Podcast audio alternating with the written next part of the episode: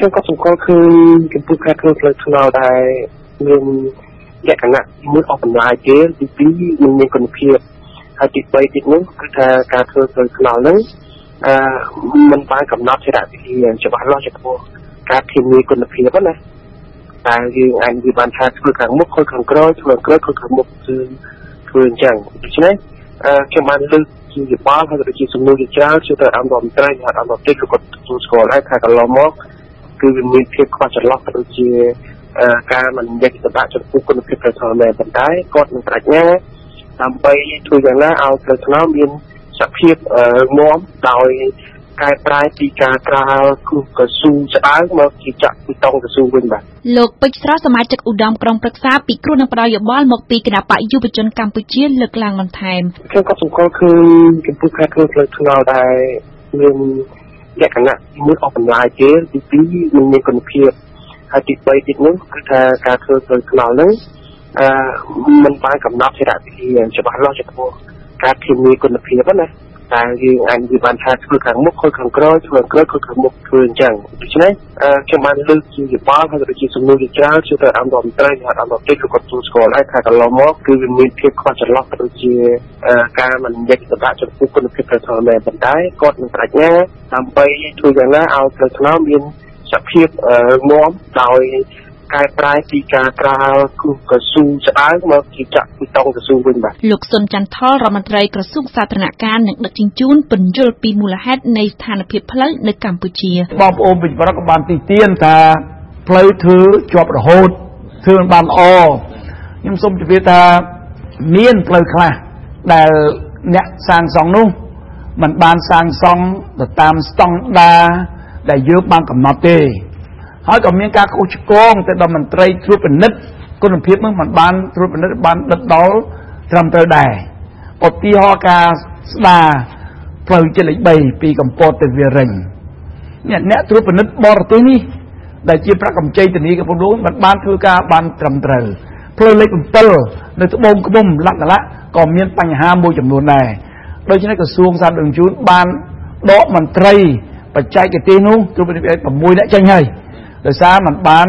ត្រួតពិនិត្យបានដិតដល់ម្យ៉ាងមួយទៀតខ្ញុំបានអញ្ជើញក្រុមហ៊ុនសាងសង់ទាំងអស់នៅកម្ពុជាយើងខ្ញុំបានអញ្ជើញក្រុមហ៊ុនត្រួតពិនិត្យបច្ចេកទេសទាំងអស់ខ្ញុំបានអញ្ជើញទាំងអស់អ្នកកសាងផ្លូវនៅកម្ពុជាទាំងមូលដើម្បីពិភាក្សាគ្នាណែនាំទៅសាងក្រុមហ៊ុនសាងសង់ក៏ជាក្រុមហ៊ុនត្រួតពិនិត្យបច្ចេកទេសឲ្យត្រូវឲ្យធ្វើផ្លូវឲ្យបាន ជាប់យូរអង្វែងបានរឹងមាំតាមលក្ខណៈបច្ចេកទេសអ្នកធ្វើពិនិត្យបច្ចេកទេសត្រូវតែតាមដានឲ្យបានដិតដល់ប្រសិទ្ធគាត់ជាផ្នែកចំមុះរបស់ក្រសួងហើយបើគាត់ទៅនឹង គេលក់ជាមួយគេដែរមិនធ្វើមិនបានទេយើងខ្ញុំទទួលមិនបានទេលោកសុនជ័យប្រធានអង្គការសម្ព័ន្ធគណនេយ្យភាពសង្គមកម្ពុជាលើកជាច្បល់ថាគុណភាពផ្លូវនៅកម្ពុជាល្មមដល់ពេលធ្វើកំណែទម្រង់ជាចាំបាច់ហើយគុណភាពផ្លូវនៅកម្ពុជាខ្ញុំគិតថាវាគួរតែដល់ពេលដែលត្រូវធ្វើកំណែទម្រង់ដែលចាំបាច់ហើយណាកំណែទម្រង់ដែលចាំបាច់នេះគួរតែផ្អែកលើមូលដ្ឋាននៃការពិនិត្យមើលទៅលើទស្សនវិជ្ជា3សំខាន់សំខាន់ ទស្សនវិជ្ជាទី1នៅពេលដែលចាប់ផ្ដើមដំណើរការគម្រោងសាងសង់ផ្លូវច្បាស់ណាស់ត្រូវតែមានការពិនិត្យមើលទៅលើដំណើរការនៃការធ្វើលទ្ធកម្មសាធារណៈខណៈពេលដែលយើងមានការមន្ទិលអំពីភាពមិនច្បាស់លាស់នៅក្នុងការជ្រើសរើសអ្នកមកការហើយចំណុចនេះគឺ គេត្រូវមើលទៅលើច្បាប់ស្តីពីលទ្ធកម្មសាធារណៈដើម្បីធានាថាក្រុមហ៊ុនសំខាន់សំខាន់ដែលមានបទពិសោធន៍នឹងនឹងអាចចូលរួមប្រកួតប្រជែងនៅក្នុងការដេញថ្លៃផ្ដល់សេវាសាងសង់ណាលោកសុនជ័យបន្ថែមបាទហើយទី2គឺការតាមដាននៅពេលដំណើរការអឺសាងសង់ផ្លូវដើម្បីធានាថាគម្រោងទាំងអស់នេះបានត្រួតពិនិត្យបានមកចត់ពីមន្ត្រីជំនាញ ហើយនឹងមិនមានការខុបខិតជា pollution នៅក្នុងការលួចបន្លំគុណភាពផ្លូវថ្នល់បាទហើយរឿងទី3នោះគឺវិធានការថែទាំនេះឯងដែលកន្លងមកឃើញក្រសួងបានរៀបចំឲ្យមានយន្តការរាយការណ៍ពីប្រជាពលរដ្ឋជាដើមហើយនឹងមានយន្តការថែទាំហើយដែលវាមានការពាក់ព័ន្ធជាមួយនឹងការល្មើសច្បាប់ ដោយការដឹកលើទម្ងន់បាទហើយវិធានការនេះយើងយល់ថាបទពិសោធន៍កន្លងមករបស់ក្រសួងមិនបានជោគជ័យប្រមាណទេដោយសារតែមានអ្នករំលោភអំណាចរហូតដល់ទៅមានការអឺជីកិច្ចជញ្ជីងមានការបើកបរហាត់ខ្លួនឲ្យជញ្ជីងទៀតទៀតតោតបាទអញ្ចឹង3ចំណុចនេះខ្ញុំយល់ថាវាជាសញ្ញាមួយដែល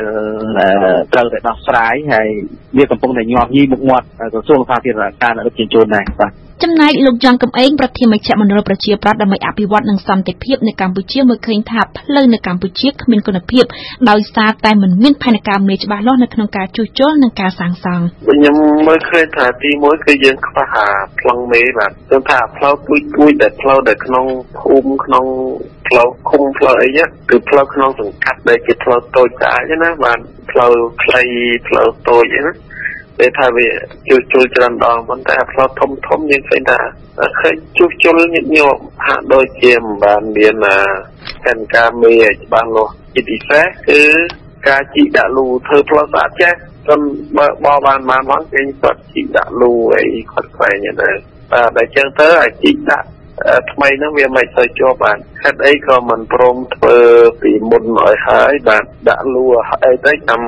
ចាក់ផ្លូវចាក់អីទៅបាទនោះហើយឬក៏ជួនកាលតើតែឃើញជីកដើម្បីបង្កប់បណ្ដាញផ្សេងផ្សេងទៀតបាទតែបញ្ហាដែរបាទបើចឹងដែរហេតុអីក៏មិនគិតអំពីថាធ្វើបណ្ដាញស្អីខ្លះត្រូវដាក់បាទហើយដាក់បដែតកំពុងចោលហើយទៅបាទដើម្បីបាទដើម្បីងាយស្រួលក្នុងការ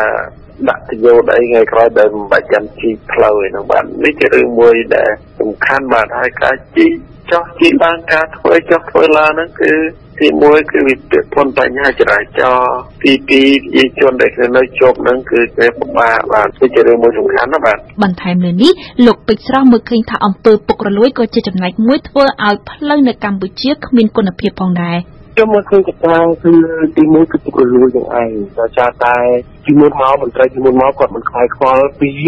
អឺការការពីដូចជាពង្រឹងគុណភាពផ្លូវថ្នល់ទេ ហើយគាត់តម្លាក់អគេហៅថាក្រុមហ៊ុនមួយទទួលសាងសង់តម្លាក់ទៅក្រុមហ៊ុនមួយទៀតតម្រាំបានដល់ក្រុមហ៊ុនសាងសង់ទៅអត់វាបីតម្លាក់ឯណោះហើយទីពីរគឺខ្វះថវិកាអំសុខសុនលោកបានប្រកាសថារាប់ទៅមានលុយឥឡូវឡើងដែរទីពីមកខ្វះថវិកាដូច្នេះគឺគាត់ធ្វើគឺមិនបានចោលស៊ូសិនមិនចង់គិតគុណភាពទេ បើយើងគិតពីគុណភាពវាផ្លូវមួយចំនួនធំនោះគឺអត់មានធ្វើការកស៊ូអញ្ចឹងគឺរដ្ឋាភិបាលដែលលោកអាហារនោះថាធ្វើយ៉ាងណាបើកការកស៊ូសិនកស៊ូស្រាវប៉ុន្តែឥឡូវគឺគាត់អភិវឌ្ឍពីកស៊ូស្រាវមកជាចាស់ concrete ចាក់ពីតង់កស៊ូវិញបាទ ជាមួយគ្នានេះលោកសុនជ័យឯកភាពថាអង្គើពុករលួយពិតជាធ្វើឲ្យដំណើរការសាងសង់ផ្លូវនៅកម្ពុជាគ្មានគុណភាពពិតប្រាកដមែនបើកាលណាដំណើរការនៃការដេញថ្លៃមិនមានតម្លាភាពហើយឱកាសនៃការត្រួតពិនិត្យនៅក្នុងដំណើរការកសាងផ្លូវដោយមានការផ្សេងប្រហែសឬក៏ណាំពេលនោះវាច្បាស់ណាស់ជា វាជាការពាក់ព័ន្ធជាមួយនឹងការសុំទលំការខົບខិតដែលនាំឲ្យមានការបន្ថយគុណភាពផ្លូវហើយវាជាតម្រង់នៃអំពើពុករលួយធ្ងន់ធ្ងរបាទហើយបទពិសោធន៍នេះនៅបណ្ដាប្រទេសមួយយន្តនេះ អឺគឺគេកែលម្អស្ថានភាពនេះដោយការពិនិត្យមើលទៅលើនីតិវិធីនៃការធ្វើលទ្ធកម្មសាធារណៈនៅកម្ពុជាមានច្បាប់ហើយរហូតដល់ពេលនេះណាអញ្ចឹងគម្រោងសាងសង់សំខាន់សំខាន់របស់ជាតិហ្នឹងគឺធ្វើឡើងដោយផ្អែកលើមូលដ្ឋាននៃច្បាប់មួយគឺច្បាប់ស្តីពីលទ្ធកម្មសាធារណៈលោកយ៉ាងកឹមអេងយល់ស្រាប់ខ្ញុំលឺសូរថាការទម្លាក់លុយឲ្យអ្នកដែលដេញថ្លៃធ្វើហ្នឹងគឺជួនកាលហ្នឹងគ្នាទទួលបានអត់គ្រប់គ្រាន់យើងទៅត្រូវជ្រុះនៅកន្លែងណាកន្លែងណាមួយដែលមានបុគ្គលខ្លះទៀតឆ្លូតទៅបាទធ្វើឲ្យខាត់បងថវិកាសម្រាប់ធ្វើឲ្យផ្លូវនំមុំទុំដែរបាទអញ្ចឹងទៅការចាក់ផ្លូវចាក់អីនោះជួនកាលអត់បានតាមស្តង់ដារដែលធ្វើឲ្យផ្លូវចាប់ខូចដែរបាទចាប់ស្រុតចាប់ខូចអញ្ចឹងតែឯកឧត្តមរដ្ឋមន្ត្រីលោកដឹងខ្លួនឯងតែលោកដឹងខ្លួនលោកហើយព្រោះលោកឃើញផ្លូវខ្លះគាត់ណាជីបានបន្តិចខូចចឹងទៅត្រូវការធ្វើឡើងវិញចឹងណាបាទលោកសុនចន្ទថលរដ្ឋមន្ត្រីក្រសួងសាធារណការឆ្លើយតបយើងខ្ញុំតម្រូវ ឲ្យអ្នកសាងសង់ត្រូវកែឡើងវិញទៅធ្វើឲ្យបានទៅតាមលក្ខណៈបច្ចេកទេសប៉ុន្តែទោះជាគាត់ថាប្រាជ្ញាចិត្តគាត់ត្រូវតែធ្វើឲ្យយើងឡើងវិញក៏ខ្ញុំមិនសប្បាយចិត្តដែរដោយសារអីដោយសារផ្លូវប្រជារដ្ឋឃើញផ្លូវបានមួយផ្លែតទៅប៉ះនេះប៉ះនោះអញ្ចឹងខ្ញុំសូមអំពាវនាវអំពាវនាវទៀតទៅអ្នកសាងសង់អ្នកត្រួតពិនិត្យបច្ចេកទេសនិងមន្ត្រីក្រសួងសាធារណសុខតាមដានឲ្យបានដិតដល់ក្នុងការត្រួតពិនិត្យ ការសាងសង់ការថែទាំជួសជុលផ្លូវធ្វើឲ្យបានលក្ខណៈធ្វើតាមលក្ខណៈបច្ចេកទេសធ្វើឲ្យបានរឹងមាំកុំឲ្យបងប្អូនប្រជាពលរដ្ឋយើងលោកទីទៀនតទៅទៀតហើយអាការធ្វើផ្លូវឲ្យវាខូចនេះវាខាត់ពេលវេលាទាំងអស់គ្នាខ្ញុំបានឲ្យជាយោបល់ទៅគាត់ថាទីមួយគឺជារឿងក្រុមហ៊ុនផ្ទាល់ក្រុមហ៊ុន តែធានាបាននៅគុណភាពទី2គឺកុំឲ្យមានក្រុមហ៊ុនស្ដាប់ច្រើនពេកក្រុមហ៊ុនគេហៅថាក្រុមហ៊ុនធ្វើតគ្នាណាហើយទី3ត្រូវពិនិត្យឲ្យបានច្បាស់លាស់មុននឹងទទួលយកផ្លូវរងប្រើប្រាស់គោលគឺក្រុមហ៊ុនធ្វើឲ្យត្រូវមានការគ្រីតេស្តគឺអីច្បាស់លាស់ហើយឲ្យក្រុមហ៊ុនធានាធរៈវេលាក្នុងការប្រើប្រាស់ផ្លូវមានន័យថាធានាឲ្យយើងប្រហែលឆ្នាំបើវាខូចក្នុងកន្លងហ្នឹងគឺឲ្យក្រុមហ៊ុនធ្វើសងអញ្ចឹងអារម្មណ៍ខ្ញុំថាលោកបានបញ្ជាក់ឡើងច្បាស់ថា គឺក្រុមហ៊ុនគឺធានាឲ្យ2ឆ្នាំក្នុងការជួសជុលឡើងវិញហើយខ្ញុំក៏បានអនុវត្តទៀតថាត្រូវតែផ្អាកលក្ខកម្មការពិសេសមួយដើម្បីគ្រប់គ្រងពិនិត្យមើលគុណភាពផ្លូវមិនគួរបណ្ដោយឲ្យក្រុមហ៊ុនធ្វើតាមទំនឹងចិត្តទេពីព្រោះក្រុមហ៊ុនតែងតែលួចឆ្កេងនៅសម្ភារៈក៏ដូចជា equipment មួយចំនួនដើម្បីភាពចំណេញរបស់ក្រុមហ៊ុនអាដាមជនជនលោកក៏បានបញ្ជាក់ថាលោកបានបង្កើតនៅគណៈកម្មការពិសេសរួចហើយដើម្បីត្រួតពិនិត្យឲ្យចំបីទៅលោកខ្លួនឯងហ្នឹង ក៏ជាអ្នកត្រួតពិនិត្យដែរគឺវាមានប្រមាណ10ថ្ងៃដើម្បីត្រួតពិនិត្យលើផ្លូវតែក្រុមហ៊ុនទទួលសាងសង់ធ្វើនោះបាទតើគេគួរដោះស្រាយបែបណាដើម្បីស្ដារគុណភាពផ្លូវនៅកម្ពុជាឡើងវិញបាទខ្ញុំចង់ឲ្យមានដំណោះស្រាយមួយគឺការពិនិត្យមើលឡើងវិញនៅនីតិវិធីនៃការធ្វើលទ្ធកម្មសាធារណៈនៅក្នុងគម្រោងកសាងហេដ្ឋារចនាសម្ព័ន្ធដែលច្រកនេះដើរតួនាទីសំខាន់ដើម្បីកែលម្អគុណភាពផ្លូវថ្នល់ដែរ ដែលជាពិសេសគឺផ្លូវជាតិសំខាន់សំខាន់នេះតែម្ដងបើមិនជាមានការធូររលុងឬក៏នីតិវិធីមិនល្អនៃដំណើរការលទ្ធកម្មសាធារណៈវានាំឲ្យមានកម្រិតឬក៏ឱកាសនៃការលួចបន្លំគុណភាពនៅបណ្ដាប្រទេសមួយចំនួនដូចជាហ្វីលីពីនគឺរហូតដល់ពេលនេះបញ្ហាផ្លូវថ្នល់របស់គេត្រូវបានដោះស្រាយដោយសារតែច្បាប់ផលិតកម្មសាធារណៈរបស់គេនឹងល្អហើយគេបើកឱកាសឲ្យមានការចូលរួម តាមដាននៃដំណើរការលទ្ធកម្មសាធារណៈដោយសារដោយអង្គការសង្គមស៊ីវិលទៀតផងបាទទីមួយគឺរំបត្តិបានអំពើពលួយទីពីរគឺកំណត់ស្តង់ដារឲ្យបានច្បាស់លាស់ហើយនឹងផ្សាយជាសាធារណៈឲ្យជាពលរដ្ឋដឹងហើយឲ្យជាពលរដ្ឋចូលរួមតាមដានអឺត្រួតពិនិត្យទៅលើ ដំណើរការនៃការធ្វើហ្នឹងហើយជាពលរដ្ឋអាចនឹងផ្ដល់ feedback ហើយមានប្រព័ន្ធ hotline អីដើម្បីឲ្យប្រជាពលរដ្ឋគេអាចចូលរួមផ្ដល់មតិយោបល់ហើយនឹងទទួលព័ត៌មានពីប្រជាពលរដ្ឋតែរឿងអស់ហ្នឹងគឺសំខាន់ដែរភាគច្រើននៅកម្ពុជាយើង គឺប្រភេទពីរស្ទាប់ស្ដើង DBST ណានៅប្រភេទទី1ដែលយើងធ្វើប្រភេទមួយទៀតប្រភេទ AC Asphalt Concrete ដែលយើងធ្វើប្រភេទគឺផ្លេបេតុងហ្នឹងឯងវាមាន3ប្រភេទពេលយើងចាប់ផ្ដើមកសាងផ្លូវ ឆ្នាំ2000ទាំងបោះឆ្នោតមក93រហូតបន្តបន្តមកគឺយើងកសាងផ្លូវជាប្រភេទ DBSC ចាក់ពីសន្ទាប់ស្ដើងចាក់ពីសន្ទាប់ស្ដើងហ្នឹងយើងច្បាស់ចាក់ពីសន្ទាប់ស្ដើងទេ ដើម្បីអ្វីដើម្បីយើងតបជាប់បានលឿននីតិបំផុត ការតបជាប់រវាងរាជធានីភ្នំពេញនិងទីរួមខេត្តពីទីរួមខេត្តមួយទីទីរួមខេត្តមួយបើយើងចាំមានថវិកាច្រើនមកកសាងអាផ្លូវ AC ក្រាស់នឹងវាថវិកាច្រើនដូច្នេះมันអាចយើងមិនទាន់មានលទ្ធភាពធ្វើផ្លូវកៅស៊ូទូទាំងប្រទេសក្នុងប្រភេទ AC បានដល់ហើយពេលនោះដូច្នេះរដ្ឋាភិបាលយើងបានសម្រេចចិត្តថាប្រើ DB season ណា